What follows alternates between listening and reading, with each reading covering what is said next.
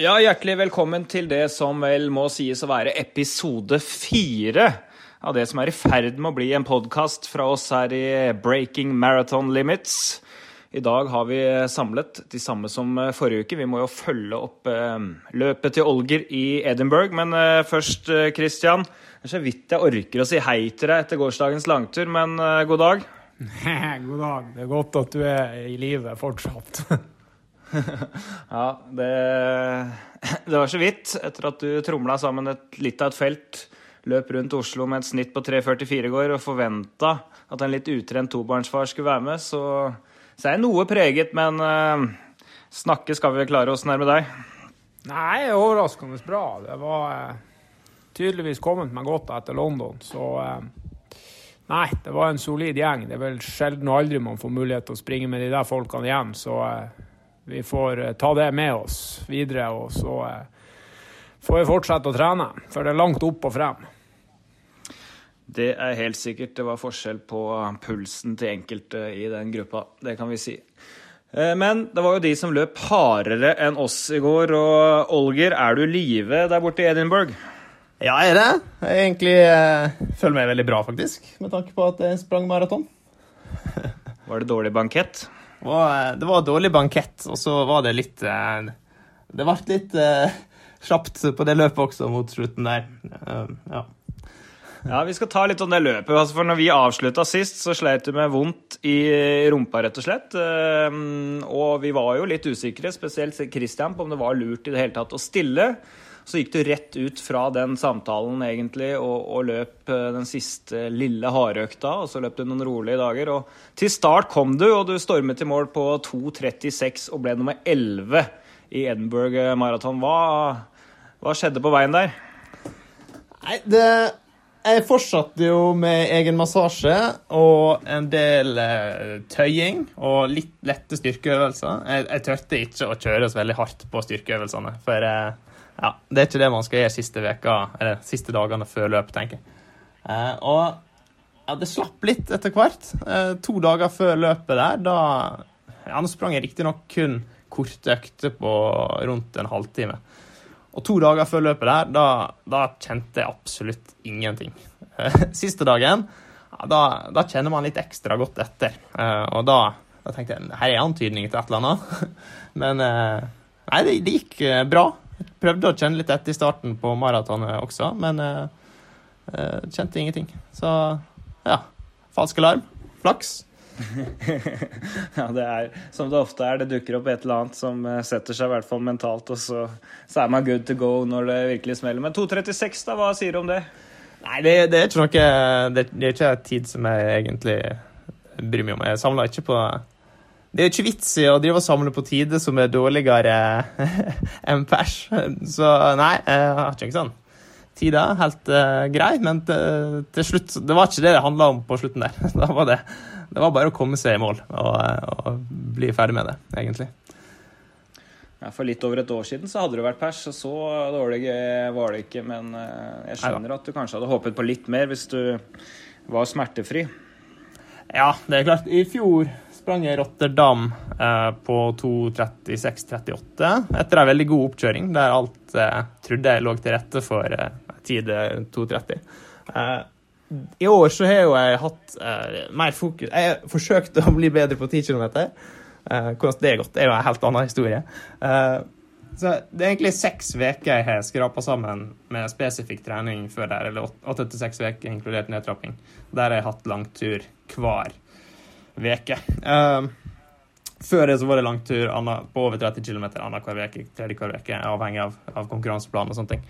Uh, så egentlig veldig ja, positiv, uh, sånn sett. Uh, selv om 2.36 ikke er kjempebra, så er det bedre enn i fjor. og ja, fullførte løpet på en helt, helt annen måte. Det kosta meg mye mindre. Så jeg er ja, egentlig positiv til eh, med tanke på veien videre mot, eh, mot eh, Berlin. Eh, I fjor gikk det fra 2.36 til 2.31 på, på høsten. Eh, så ja. Jeg er positiv, egentlig. Da er det håp. Olger er positiv, Olger. Nei, Christian, hvordan er det med, med mannen fra nord? Er han like positiv?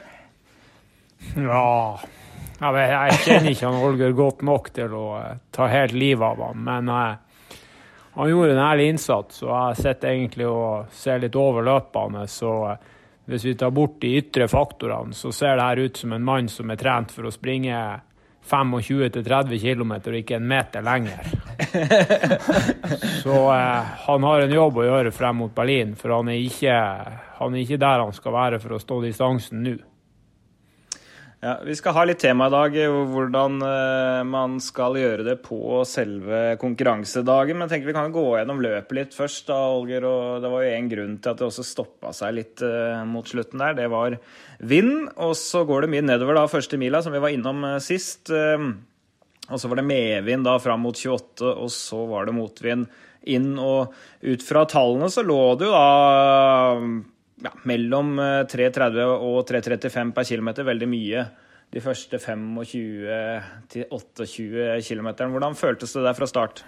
Det føltes veldig lett, egentlig. Eh, jeg hadde tenkt at jeg skulle komme meg ned der vi har nettofall. Det, det er riktig, det er nettofall, men det, det er ikke 8 km med nedoverbakke. Det går litt opp og, og litt sånn innimellom der.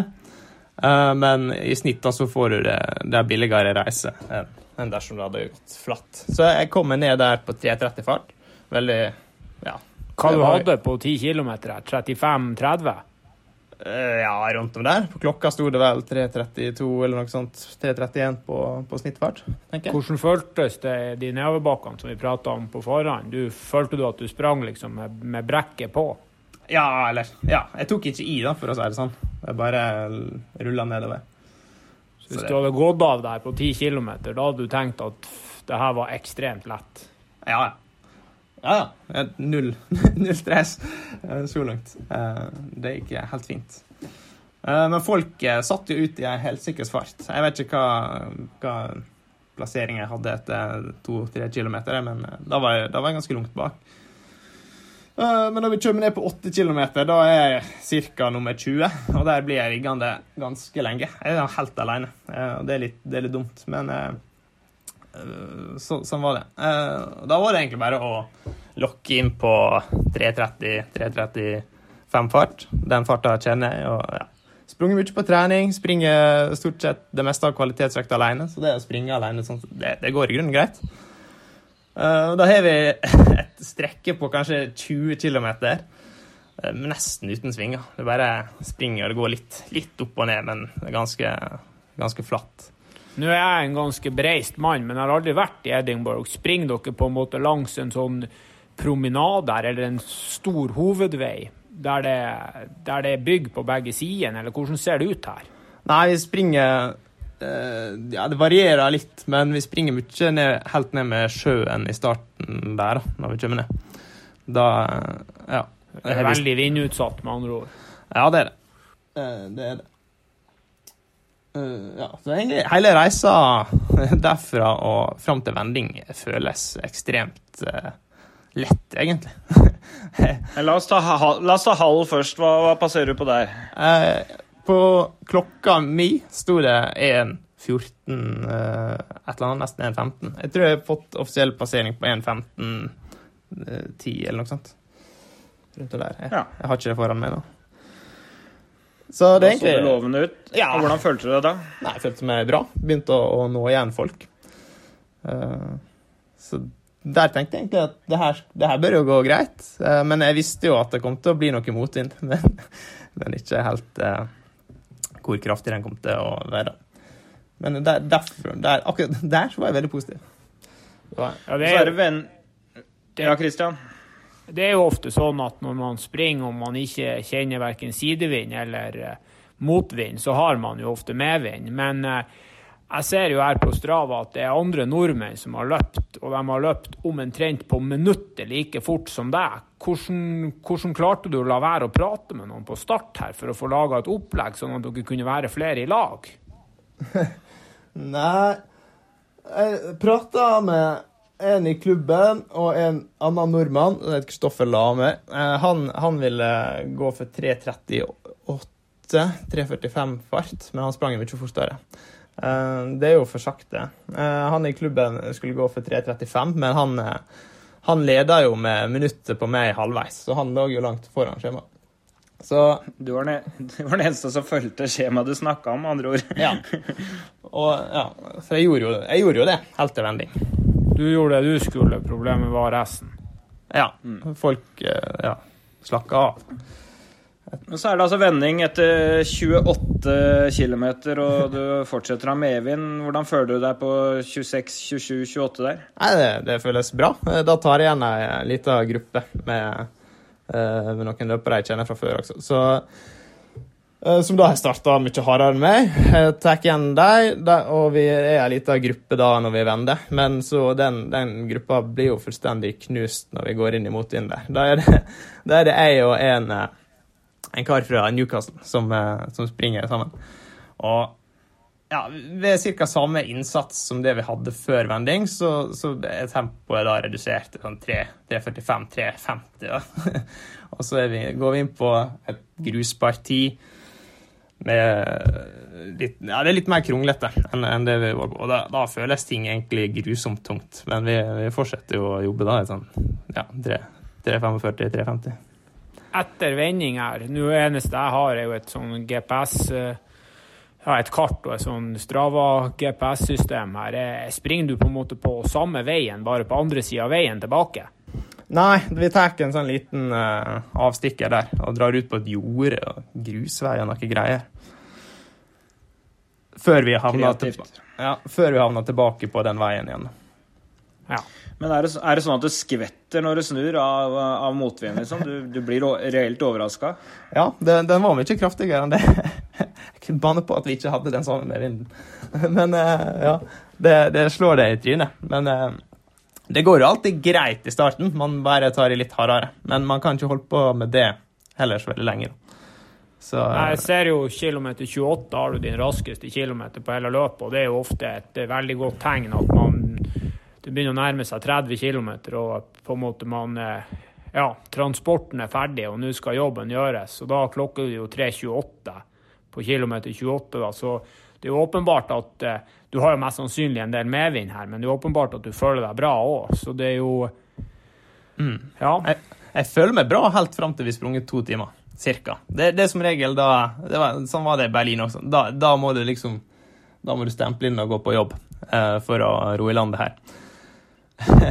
Så se, dere har jo en eh, fire-fem kilometer der det er åpenbart at dere eh, kriger på her og virkelig gjør alt dere kan. Fra kilometer 28 til kilometer 34 så springer dere jo en rundt 3,45. Det er klart det er jo fortsatt bra fart. Da taper du ti sekunder på kilometeren. Men fra kilometer 35 til mål, så er du jo Da er det jo game over. Ja. Der er, det, der er det bare en sånn dødsjogg. Der er det bare egentlig fokus på å bare komme seg i mål. Prøve å ikke tape plassering. Eh, For det er liksom Derfor, derfor må du jobbe. Der må du legge igjen litt av sjela di for å få til en bra maraton, tenker jeg. Og jeg vet ikke. Vi lå eh, Tida hadde kanskje blitt 3.34 hvis vi hadde fortsatt i samme tempo. Og nei. eh, Så fokus ble egentlig bare å komme seg i mål. Og gjøre det egentlig på en ganske billig måte. Så lot egentlig tempoet synke til hva enn som føltes behagelig. Men er det beina muskulært, er det pusten, eller føler du at du begynner å gå tom for næring? Eller hvilken følelse er det som føler at hvorfor butter det så kraftig? Jeg jeg tenker at det er muskulært. Eh, Det er i hvert fall ikke pusten. eh, Og jeg tror ikke det er næring. Eh, Så jeg tenker det er det muskulære som butter imot. Det er tunge bein og Men, men det er vel litt det samme man får hvis man går tom for karbohydrater. Så det er jo litt vanskelig å, å si, da. Men eh, det er i hvert fall ikke pusten. Hvordan var det med drikkestasjoner og egen påfyll av gel underveis her? Fikk du gjort det du skulle? Ja, jeg, jeg gjorde det. Jeg tok en gel eh, før start, og så tok jeg første på 40, og så tok jeg hvert 20. minutt fram til da, to timer. Uh, drikkestasjoner. Jeg tok en drikke på hver drikkestasjon, og vi fikk flaske. Det er jo strålende med tanke på um, å faktisk få i seg drikka. Uh, I motsetning til uh, når du får en sånn pappkopp der uh, det meste av innholdet havner på startnummeret. Så fikk vi den flasken, så jeg fikk egentlig bra med væske. Det som var minuset, syns jeg, det var at vi kun fikk vann. Vi fikk ikke sportsdrikke. Hvordan geller hadde du med deg? Morten. Mange tok du, sa du? Åtte-ti stykker? Nei, det blir fem. Syns du jeg skulle tatt eh, flere? Jeg har faktisk av alle diskutert det der eh, i de siste ukene med en del med Hans Sondre og Nordstadmoen. Da han drakk på det siste det løpet han løp 2.10 i Hanover, så drakk han 1,3 liter Morten. Og i Fukuoka drakk han 0,9. Så eh, jeg tror jevnt over alle vi mosjonister faktisk har en del av å lære av de beste på akkurat det å Få i oss mer næring, bruke mer tid tidlig i løpet til å sørge for at vi får i oss det vi skal. Og jeg tror det vi skal ha i oss, er mer enn det vi tror. Men det der må trenes på. Ja, det må det helt klart. Og det, ja. Jeg, Etter hvert ja, Ja, vi kan bare ta ferdig dette løpet først, tenkte jeg. Du, du, du er jo slags uh, survival-modus eh, antagelig på slutten der, uh, Ja. hvor du rett og slett uh, eh, drar litt i nødbremsen og prøver å komme deg til mål. Jeg forstår at målstreken må ha vært rimelig etterlengta en periode der. Ja Eller egentlig, altså, ikke. Det er sånn Jeg var egentlig veldig innforstått med at det her blir ikke noe særlig, så, og tok det egentlig Jeg vet ikke. Det var det, det, det gikk veldig greit. Vi springer kilometer en kilometer med, i motsatt retning til de som er på vei ut mot vending, og vi er på vei mot mål. Så folk heier på meg. Eh, Jeg bruker uforholdsmessig mye energi på å heie på deg på det tidspunktet her. Litt sånn høy på endorfiner. og Stemninga er egentlig helt fantastisk. Jeg hadde det helt strålende. Sånn, hvis du ser bort fra selve løpssida der, så er liksom opplevelsen der ja, det var, det var helt fantastisk. Jeg hadde det gøy, men det var godt å komme i mål. det skal sies. hvordan var været? Været Ja. Ja, det regna i begynnelsen. eh, første, ja, skal vi si, første timen omtrent. Og så ble det på et tidspunkt litt Jeg tenkte at nå er det litt varmt, så jeg er blitt eh, faktisk litt solbrent. Men nå er jeg ganske tynn i, i tynn, tynn i håret, da. Så eh, litt utsatt. Men eh, nei, ganske bra vær. Eh, 15 grader cirka i skyggen. Ja. Det høres eh, nydelig ut. Mm. Men alt i alt så var maraton nummer 20 en positiv opplevelse. Ja, men det er litt med, litt med hva, hva jeg går inn i det her med også, da. Hadde jeg gått liksom, Hadde jeg trent for det her med og tenkt at uh, 2.29 er liksom eneste suksesskriteriet, så, så hadde jeg nok ikke vært spesielt fornøyd med å, å klokke i mål på 2.36. Men det, det, var, det var, hadde jo litt annen holdning til hele løpet. Kanskje litt var, jeg syns det var strålende. Jeg hadde det gøy.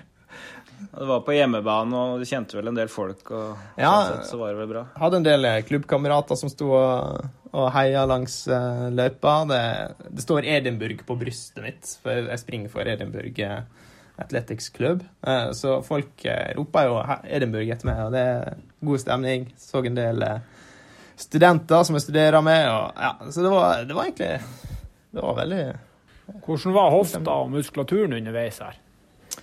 Nei, ganske Jeg hadde ikke noe Ingen, ingen vondt, da. Altså, ja, helt smertefritt. Så det er ikke noe problem. Etterpå eh, I dag også? Ja, egentlig. Hadde nok vært betydelig verre hvis jeg la ned flat pedal og la igjen sjela mi i de siste sju til åtte kilometerne. Tror jeg. Jeg kunne jo gjort ting verre der. Men eh, ja. Så, så jeg er veldig fornøyd med egentlig at jeg ikke gjorde det. Eh, jeg tenker, Hvis jeg ser på Hvis jeg tar av 10-15 sekunder per kilometer her, så hadde det blitt 2.34. Samme for meg om det er 2.34 eller om det er 2.36 eller om det er 2.40. Ja, det, det spiller ingen rolle. Så ja, Du har løpt fortere før, så det ja. Nei, men La oss eh, gå litt gjennom eh, løpsdagen, gutta. at det er mange som lurer på eh, forskjellige ting når det gjelder konkurransedag. Eh, Det aller første er jo søvnen til konkurransedag. Det er jo ofte kan være litt vrient. Man er litt nervøs og gjerne sover man i en annen seng enn vanlig osv. Har du noen triks for å få sove, Christian? Du sover jo hvor som helst, når som helst. eh, Uansett. Ja, å begynne å spørre meg om søvntips, det er ikke noen poeng. Så jeg tror du får spørre han Olger om det. Det er samme for meg. Jeg har vært igjennom nok i livet til at jeg får sove for en idrettskonkurranse. Åssen er det med deg, Olger? Nei, vi, er nok eh, stikk motsatt der. Jeg er jo ekstremt dårlig på søvn på sånn generelt sett. da. Og det blir ikke noe bedre når det er konkurranse I hvert fall ikke, Før dine konkurranser jeg sovet ganske godt, men eh, sånn, før Berlin i fjor, før Rotterdam i fjor, da det var veldig konkrete tidsmål en sånn zombie uh, siste natta der. Uh, men jeg, jeg, vet ikke hva han skal si. Det jeg gjør, er å bare passe på å legge til rette for at jeg i hvert fall skal kunne få nok søvn. sånn at jeg er klar til å gå i senga når jeg bør gå i senga. Og så ja, jeg har egentlig ikke så mye tips utover akkurat det på søvn. da. Eh, jeg tenker at det er greit å få rydde unna alt som kan føre tankene ut på glid. Altså, du gjør klar konkurranseutstyret ditt, gjør klar, vet hvor maten og alt du skal på morgenen. Eh, sko, tidtaket chip, Christian. Alt skal være under eh, kontroll, så man ikke liksom våkner og plutselig Hvor gjorde jeg det, og når altså, man begynner å tenke det der. Men man har full kontroll på det, og så går man og legger seg til vanlig tid. Uh, og så er det bare å håpe det beste. Jeg sliter ofte ikke med å få sove. Det går ofte greit, men jeg kan våkne opp og så slite med å sovne igjen. Uh, jeg kan våkne tre-fire, halv fem og så slite med å sove igjen. rett Og slett. Og ligge våken en time eller to og så sovne igjen og være fryktelig trøtt når det ringer. da. Det verste en gang var i Amsterdam. Bodde på hotell sammen med en gjeng der. Og så gikk brannalarmen klokka tre, og den gikk altså så høyt at jeg våkna omtrent horisontalt én meter over senga fordi jeg skvatt så fælt. Og nekta selvfølgelig å gå ut av rommet, for jeg skjønte at det, det brenner jo, det lukter jo ikke brent her. Så jeg gadd ikke å gå ut. Men ja, fikk jeg aldri sove igjen. Men eh, jeg må si at det gjorde ikke noe for selve prestasjonen. Det er det som er så underlig, at uh, søvnen nettene før egentlig har mer å si enn den siste natta. Vi har jo folk som har blitt olympisk mester i dette landet her uten å ha sovet noe særlig i det hele tatt. Så det viktigste er nettene før, men uh, i hvert fall i hvert fall noen tips. Og, og Christian, når bør du sette på klokka, da? I forhold til løpsstart? Nei, hvis løpet går klokka ni, så burde du i hvert fall stå opp klokka sju senest. Kanskje halv sju òg. Og eh, så må du få i deg noe mat som du har eh, god erfaring med. Og så må du helst få gått på do en gang eller to.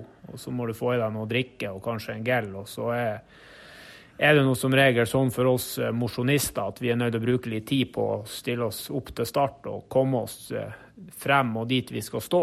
Så eh, ja, i Berlin der starten går ni eller kvart over ni, så får du ikke gjort så mye mer fra i åttetida. Du må komme deg til startområdet, og så må du få på plass de tingene som gjør at du rett og slett står der du skal stå når skuddet går.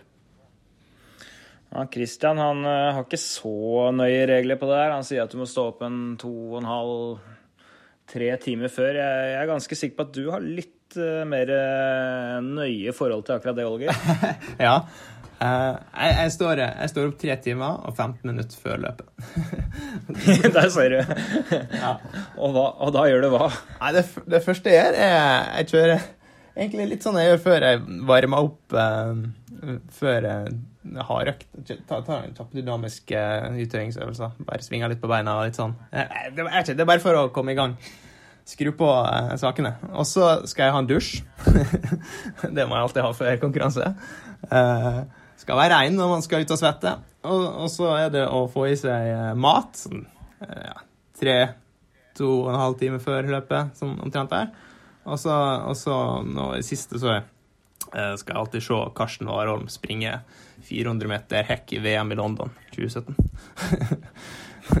det, er der, det er der du røper at du er fra i nærheten av Ulsteinvik. ja. Må ha litt inspirasjon på løpsdagen. Det er godt, det er godt at Warholm kan eh, bidra med akkurat det. Men eh, mat, da? Man er jo ofte i utlandet osv. Er du med mat hjemmefra, Christian? Er du ekstremt nøye på hva du spiser eh, på morgenen der? Nei, jeg spiser det hotellet serverer, og det er stort sett noe lett fordøyelig. Enten noe eh, hvitt brød eller noe rundstykker eller noe sånt der. Og så noe helt basic pålegg, om det er noe syltetøy eller om det er noe sjokoladepålegg eller et eller annet. Det bare sørge for at eh, magen eh, får noe som den ikke får trøbbel med seinere. Jeg mener jo at det meste av, av, både spising og drikking og det der, det skjer i de dagene i forkant. På morgenen der så må du bare du må stå opp og rekke start. Alt annet er, er samme. Ja, det kan være litt forskjellig.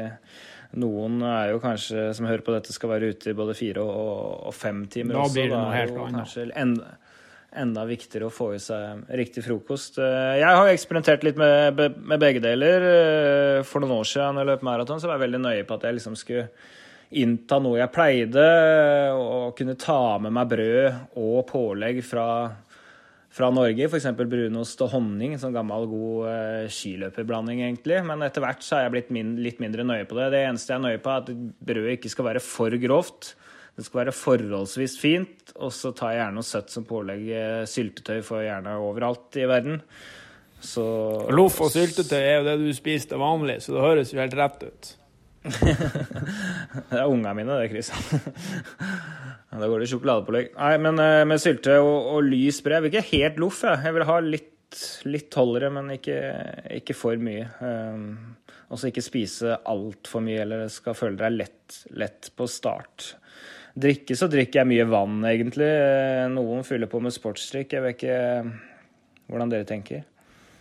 Ja, sportsdrikke i forkant av løpet syns jeg var helt bra. Få i deg en om i flaske med Morten eller en annen sportsdrikk som du er vant med, og så får du ja, gått på do og gjort det du skal, og så er du klar. Mat og drikke for deg, Olger? Nei, jeg er ikke ekstremt nøye på det, men eh, et problem som ofte har hatt når jeg er ute og reiser og, og, skal springe maraton, er jo at eh, starten går såpass tidlig, at, og det, det er helg, da, søndag, at frokosten ikke er åpna ennå på hotellet. Så Og da er jeg egentlig kommet fram til at det er like greit å bare ta med noe, i hvert fall brødmaten hjemmefra, så vet jeg at det er noe jeg kjenner. Og det Polarbrød funka bra, uh, men også nå åt jeg havre havre greit. Det er det jeg stort sett spiser til frokost til vanlig og før langturer. Jeg vet at magen tåler det. og Det er bra med energi i det. Så ja, det funker. Så er det litt ulikt på ulike maraton. Sånn som New York så må man jo dra til start en tre og en halv time før. Da kan man kanskje spise litt på, på bussen eller ferja eller hva man tar til, eh, tar til, start. Andre steder så kan man jo sitte på hotellet til en halvtime før starten går, så det er veldig ulikt. Men vær iallfall ute i, i, god nok tid. Og mange trener jo hardt da i fem, seks, sju, åtte måneder før et maraton. Og da bør man kanskje ha tid inni de forberedelsene der til å lese litt om startområdet og hvordan ting foregår. For det, det er en del maraton eh, som har ganske klare regler både på innlevering av tøy, tidsfrister eh, og videre inn osv. Det er greit å få med seg det som er mest basic av det, da, for så man får stå i den startposisjonen man skal og slipper å stresse på feil tidspunkt før, eh, før start der. Der kan man brenne seg. Og så er det dette med temperatur, da det lønner seg å holde seg varm til man skal starte. Og ofte må man jo levere tøy som skal til målområdet kanskje en time eller halvtime før. Og da er det ganske lenge til start, og vi har jo aldri sett uh, italienere i splitshorts og singlet uh, som lukter tigerbalsam, uh, gå rundt og skjelve siste time før start der, og det er jo en fordel å unngå. hvordan løser du det, Olger? Jeg, har, jeg bruker å ha med en sånn engangsponcho, sånn plastikksak, som beskytter mot regnet, og den puster dårlig, så du blir ganske varm inni der. Eh, I tillegg så er det triks med Finne noe gammelt uh, tøy. Uh, jeg altså, har jobba i Forsvaret, så jeg har en milliard med sånne pologensere fra Forsvaret så, som ligger igjen nå, da, blant annet en i sentrum av Edinburgh, som kan man kaste rett før start. Mm. Det syns jeg fungerer greit, egentlig. Og så er det dersom mulig å komme seg under tak hvis det regner, sånn som det gjorde nå, så er jo det helt klart en fordel. Ja. Hvor stort var det løpet her, Olger? Mange deltakere hadde dere? Jeg er ikke sikker på det. På hele den eh, Det er jo en sånn maratonfestival, kaller de det. Og det er flere distanser. Da er det 36 000. Eh, maraton er jo det største, så jeg, jeg tror det er sånn 10 000 eller noe sånt. Og du ble nummer 11? Ja, men det er ikke så høyt nivå, da. Nei, hva de vant på? Nei, 2,30.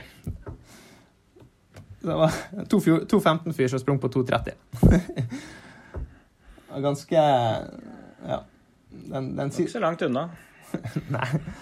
Ganske jevnt der. Jeg, jeg, tror flere har hatt en litt sånn som meg, at her er det bare å det er bare å komme seg i mål. Det, det ble ja, det gikk litt lufta ut av ballongen på den siste halvdelen. Vi ser jo blant de topp fire, så er det en 2.15-fyr. Det er, er 2.26, 2.27 og 2.29 folk. Og alle sprang mellom 2.30 og 2.32 og har siste halvdel på sånn 1.19 til 1.20. Altså samme tempo som jeg hadde siste halvdel, omtrent. Så det, det ja. Jeg husker jo på forrige podkast du var litt usikker på om det var best å ha medvind på slutten eller medvind i starten. Hva du syns nå? Altså, skulle jeg sprunget 28 km med den motvinden der, så hadde jo blitt kjempedårlig. Hadde blitt enda dårligere, det er jeg helt sikker på.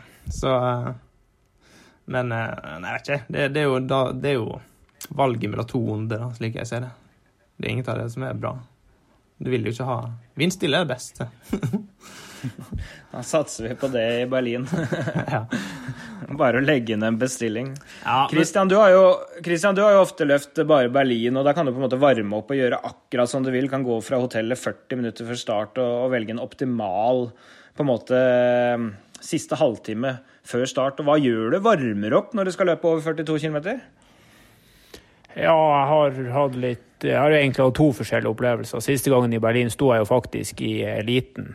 Fordi om jeg ikke hadde spesielt mye å gjøre i det eliteteltet, så var jeg nå såpass heldig at jeg fikk lov å være der. Så uavhengig av hva du Jeg mener uavhengig av målsetning og uavhengig av fart, så mener jeg at du burde ha litt oppvarming. Men ti minutter, kvarter, helt lett jogg, få litt tøying og en par stigningsløp det holder, uansett om du skal eh, starte i, eh, ja, i fem blankfart eller i 3.20-fart. Altså. Må, jeg mener at å varme opp sånn som japanere gjør, omtrent opp mot en time, og holde på å herje med stigningsløp og lange drag, det er meningsløst. Du må, du må gjøre det du skal, men du må også, eh, du må også få brukt energien når den skal brukes. Du kunne vel gjøre som du ville du også nå, Olger. Hva valgte du i forhold til oppvarming? Ja, jeg var jo så heldig at jeg starta helt i front, så jeg hadde jo god mulighet til å gjøre akkurat som jeg ville. Eh, men eh, nei, jeg varma ikke opp så mye. Jeg sprang en, en kilometer fram og tilbake. Før det så, så kjørte jeg da sånn dynamisk utøvingsøvelser. Og det, det, er egentlig det jeg har gjort stort sett uansett om jeg starter langt bak eller om jeg får starte langt framme. Jeg vet ikke hva som er egentlig fasit på det. Jeg har prøvd å varme opp eh, lenger også, uten at det har gått noe bedre sånn sett. Jeg så jo han som var nummer to ved start. Han sto jo bare helt stille som ei saltstøtte med ponchoen sin og venta på starten. Han varma ikke opp i det hele tatt. Så ja, forskjellige måter å gjøre det på. Den. Ja, Noen steder har man ikke noen valg heller. Jeg har jo vært med og løpt uh, New York en del ganger. Da kommer du bort til startområdet det tre timer før, og der er det gressplen. Og på, det verste der har det vært rim i gresset, liksom. Vært et par minusgrader. Og, og, du må prøve bare å holde varmen og ha med deg mye tøy, og så slipper du inn i din på en måte bås én time før.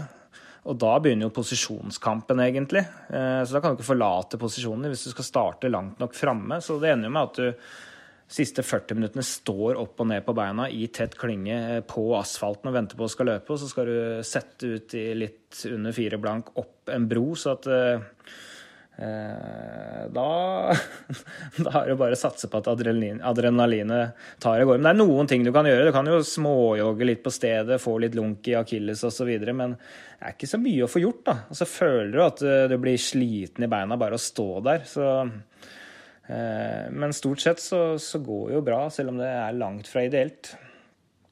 Jeg var jo, tro det eller ei, Christian, i, i eliten, subeliten heter det da, i New York en gang, hvor vi fikk, eh, fikk busstransport til eh, en idrettshall like ved, ved, start. Det var jo politieskort og det ene og det andre, og der, der var jo Kip Sang, og der var eh, den ene og den andre. Og jeg var litt overraska.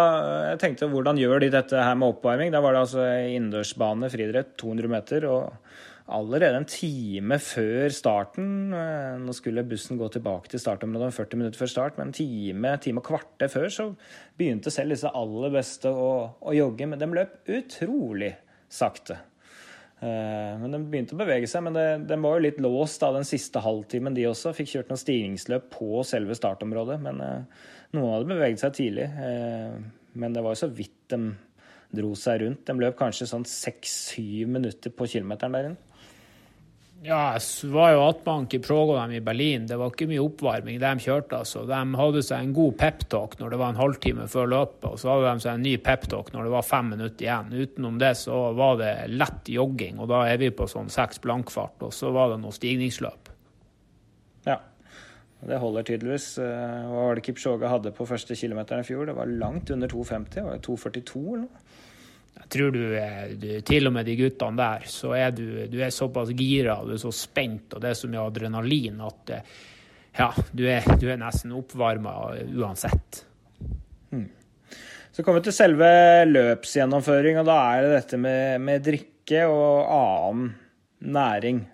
Hvordan vil du, etter eh, de siste samtaler og all erfaring du har, Kristian, hvordan vil du ideelt gjøre det der? Etter hvert som eh, jeg skulle Av og til så skulle jeg ønske jeg fortsatt var, var, sånn som jeg var før. At jeg rett og slett bare var lykkelig uviten. Men etter hvert som jeg har holdt på litt, så skjønner jeg jo på en måte mer og mer av viktigheten av næring underveis. Og det der er en treningssak i forkant, og det der er det er definitivt mer betydning enn det der enn en kanskje de aller fleste forstår. I hvert fall i starten av maratonkarrieren til folk. Men jeg mener at det må, det må, legges en plan som sørger for at du ene er at du ikke springer for fort, for da begynner du å brenne for mye karbohydrater for tidlig. Og det andre er at du må få i deg så mye karbohydrater, enten i form av væske eller i form av gel, eller for dem som bruker enda lengre tid i form av mat, som gjør at du ikke går tom. For Går du tom på slutten av en maraton, så hjelper det på en måte svært lite uansett hvor godt forberedt du er. For da, da, blir du både svimmel og helt utmatta. Da klarer du ikke å springe så fort som du, som du ønsker. Så hvert, hver 50 km burde man ha en plan på hva man skal ta i seg, og man burde bruke kanskje så mye som en kilometer på å få i seg drikka. Mm. Noen av de store maratonene så er det jo drikkestasjon veldig ofte. Det kan jo være hver andre kilometer eller hver mile eh, for de som eh, teller distanse i mile. Eh, og da tenker jeg at man kan ta og drikke litt ofte kontra drikke veldig mye sjelden. Da har man jo muligheten til å ta en kopp eller to og, og skylle ned kjapt. Men hvis man får bare drikke hver femte, sjette, sjuende kilometer, spesielt når det er varmt, så, så, blir du avhengig av å drikke en del. Og da er det lurt å ta med seg den drikka, som du sier, Kristian. Ta den med. Ja. Eh, i gjerne en kilometer. Nå var det jo i London sånn som det var i, for Olger nå i Edinburgh. Det var flaske, da. Og det er klart at det å bære en pappkopp i flere kilometer, det er umulig. Så hvis det ikke er annen drikke enn en pappkopp, så må du bare få i deg det du kan der og da, og kanskje til og med prøve å få tak i to kopper. Men har du flaske, så tror jeg vi alle sammen har litt å lære av å ha litt tålmodighet. Og så rett og slett ta med seg flaska, drikke sakte og få i seg alt. Mm. Og så gjelder det da å, å, begynne tidlig nok. altså Begynn å drikke på første drikkestasjon. Legg en plan hvis du skal ha gel. Eh, begynn gjerne rundt jeg vil si rundt en mil. 10-12-13-14 km med den første. Kjør eh, jevnt inntak hver eh, femte, sjette, sjuende km. Utnytt den fasen av løpet hvor du føler deg bra, hvor pusten ikke er så heftig. Etter hvert så blir man kvalm, man blir ekstremt andpusten. Alt blir verre eh, når det gjelder inntak. Så utnytt iallfall den fasen av løpet hvor eh, du kan sørge for at du er i balanse, og at du slipper den voldsomme duppen eh, næringsmessig underveis. For maraton det, det, kan være fylt av problemer, det kan være vondt nok uten at man går tom. Så det må man for enhver pris unngå. Og da gjelder det å kanskje ha dette litt i mente også på de harde treningsturene Og finne seg et opplegg som fungerer. Test, test det ut, altså. Hva sier du, Olger? Fikk du gjort det ideelt nå? Ja, egentlig. Uh, jeg syns det, da. jeg vil understreke det. Og, folk må gå inn og sjekke hva arrangøren sier om drikkestasjoner, hvor ofte det er. og sånt. Og da, du hva du, da kan du legge opp planen. Mange typer gels må du ta med med vann. Og da må du finne ut hvor ofte du kan faktisk eh, ta gels. Og så må du trene på det på trening. Tror jeg, det tror jeg er smart. Da Da vet du har du på en måte sjekka at det fungerer, at kroppen kan ta til seg den næringa. Tar du for mye, mer enn du mage kan håndtere, så har du et problem med at du må på do og sånne ting. Um, ja, det er viktig å se an hvor drikkestasjonen kommer, da, så man, man ser den, tar gelen og så får skylt ned med vann rett etterpå. Spesielt hvis man er ømfintlig med dette med magen. Mm. Um, ja, så, men hvis man ja. Til og med det der legendariske løpet i Berlin i 2016, når han Bekele og han Kipsang springer der, og han Bekele har sluppet og kommer tilbake, til og med på 40 km, der de på en måte nesten er i avgjørelsen av et løp som de springer om verdensrekord og garantert om avsindig mye penger, så tar altså han Kipchoge seg tid til å springe innom drikkestasjonen på 40 km. Han får tak i flaska, og han bruker liksom et et lite minutt der på å få i seg det siste greia der, før han dunker til og vinner løpet. og det, Der snakker vi om de beste guttene i verden som har holdt på med løping i, ja, i 20-30 år, og til og med dem bruker den tida.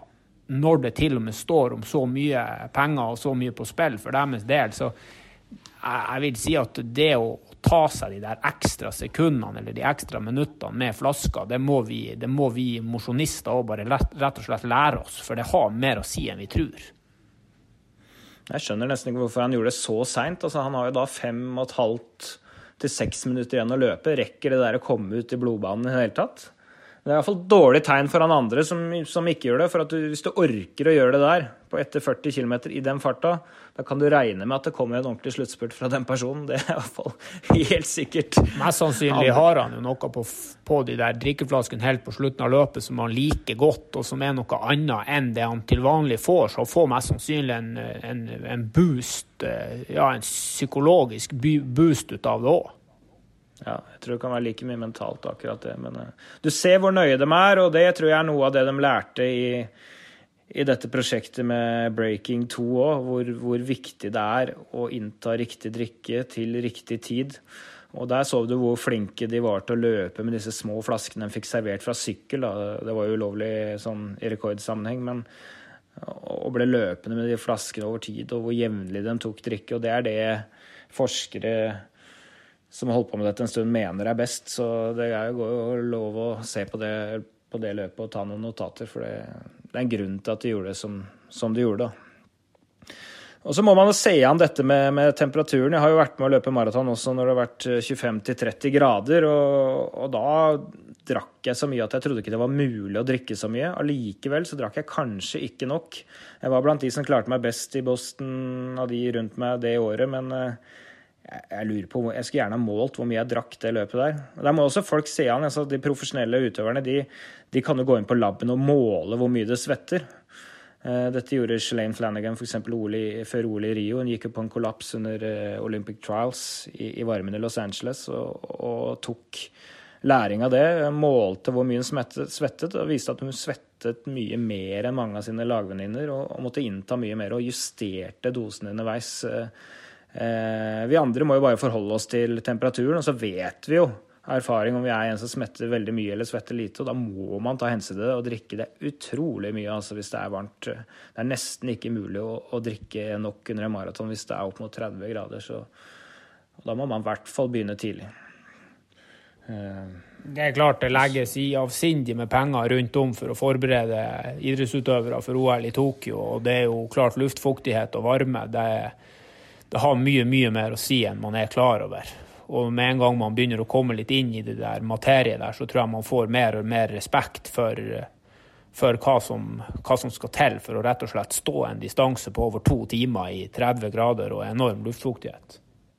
Ja, og der tror jeg jo det kan være en fordel for Sondre Nordstad Moen og andre vestlige under Galen OL i, i, Tokyo. Ja, Galen Rupp f.eks. under OL i Tokyo, da, for der Afrikanerne de, de bor eh, på, på, en gitt høyde hvor det er ganske likt klima egentlig hele året, for det ligger ved ekvator. Og, og de kommer ikke til å gjøre ekstreme tiltak i forhold til at de skal eh, Det er jo ikke noe klimakammer og sånn der, der, nede. Og der kan vestlige da med forskere bak seg ha en liten fordel og kanskje utligne litt av det forspranget afrikanerne har. Og det har vi sett tidligere når Galen Rupp tok medalje i i Rio osv. at eh, det er litt bedre mulighet til, å hevde seg hvis det er ekstreme forhold i en eller annen grad, og det må man bare utnytte, tenker jeg. Men det handler om eh, mye av det samme som jeg er inne på tidligere. Det handler om forberedelser. Det handler om å gjøre et godt stykke arbeid i forkant. og Drikke er én ting, trening er én ting, løpsopplegg er én ting. Men eh, maraton det er 30 km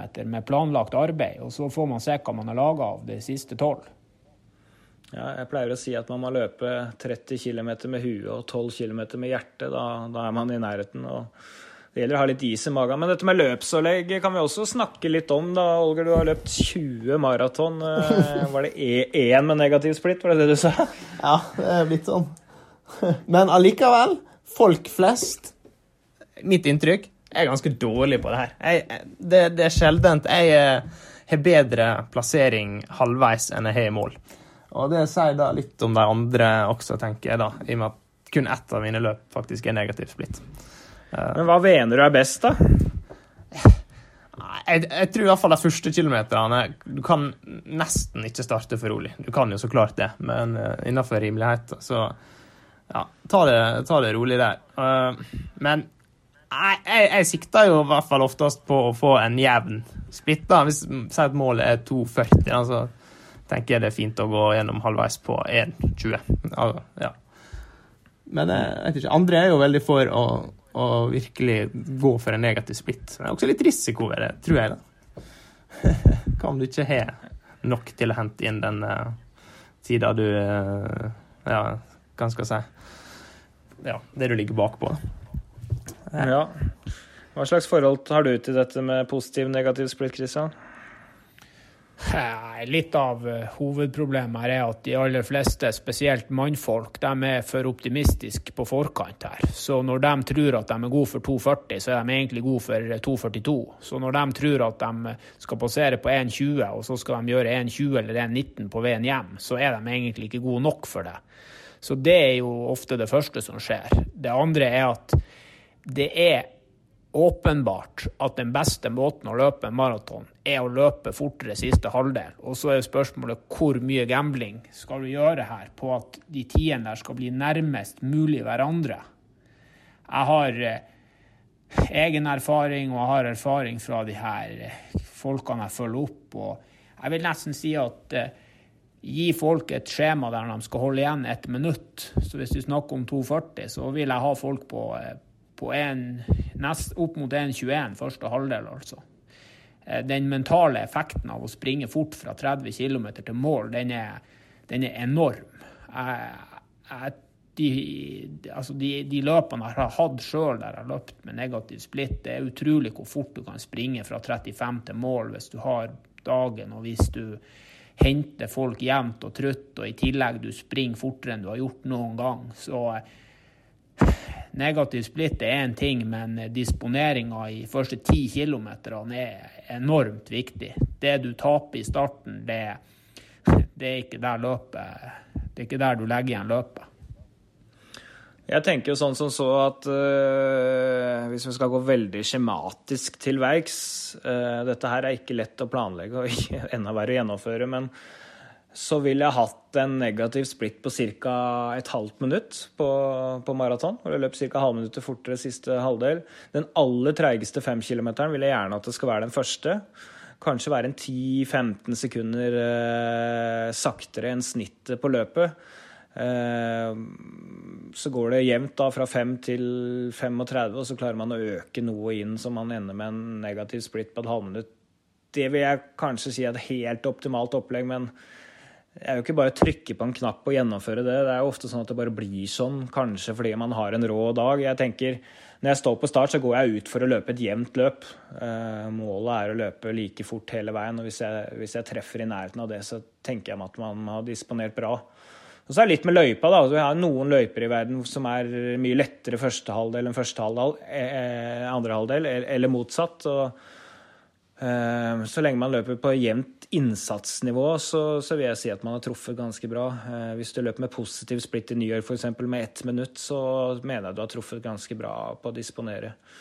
Eh, de fleste ender jo med ti minutter positiv splitt, kanskje, men, men eh, der er andre halvdel mye, mye tyngre, og det finnes jo mer ekstreme eksempler enn New York også. Så det er egentlig tankene rundt det. Men det er jo, det er jo eh, Hvis du ser verdensrekorder på de fleste distanser, så er de satt med negativ splitt. Sånn er det også på maraton. Kipchoge løp da han satte verdensrekord nå på 2.01,39, så løp han vel 60-33 på siste halvdel. Eh, så jeg tror det er måten å, å gjøre det på. Eh, men så er det et dilemma du kom i i London, Christian, hvor, hvor, det går en gruppe, og det er ingen bak, på en måte. Skulle vært helt ideelt, så hadde kanskje åpna litt roligere, men valget er jo da å gå med en svær gruppe eller løpe alene. Ja, og det er de der vurderingene man, man rett og slett er nødt til å ta på stedet. Det der får du aldri planlagt. Men nok en gang, altså kunne jeg løpt London på nytt, så skulle jeg åpna først, eller fra de 15 første kilometerne skulle gått bitte litt roligere enn de gikk. For det, det, det føles uhorvelig lett i starten på maraton når du er i god form, men det blir tungt hver eneste gang fra 35 til mål. Jeg pleier å si om maraton at føler du deg bra, går det lett, slapp av, det går over. Altså. Det, det, man, det, et eller annet sted i løpet av de 42 km så går den følelsen over. Uh, og jeg har vel løpt 15 maraton, da, Olger. Det er jo litt færre enn deg, så litt mindre erfaring. Men um, det er én gang på de 15 maraton jeg har tenkt når jeg kommer mål, åpna jeg for rolig. Det var i Amsterdam første gang jeg brøt 2,40. Da åpna jeg 1,20,45 eller sånt og løp siste på 1,17 høy. Da løp jeg tre minutter fortere siste halvdel og tenkte at jeg burde kanskje ha løpt litt fortere første halvdel, men uh, det får jeg aldri svaret på, da. Men det er den eneste gangen jeg har tenkt det etter å ha gått i mål. Så det er lov å ha litt tålmodighet. Hva er det du pleier å si, Christian? It's a waiting game. Ja, definitivt. Og vi lærer aldri heller. Det er det som er så synd. vi trener jo på trening, løper mye progressivt der, da, så kanskje bør vi ta med oss noe av det inn i løpet òg. Olgeir, ja. hvis det er tre ting du skal ta med deg fra det løpet her inn mot Berlin, ja. hva er det? Både oh, ja. positivt eller negativt?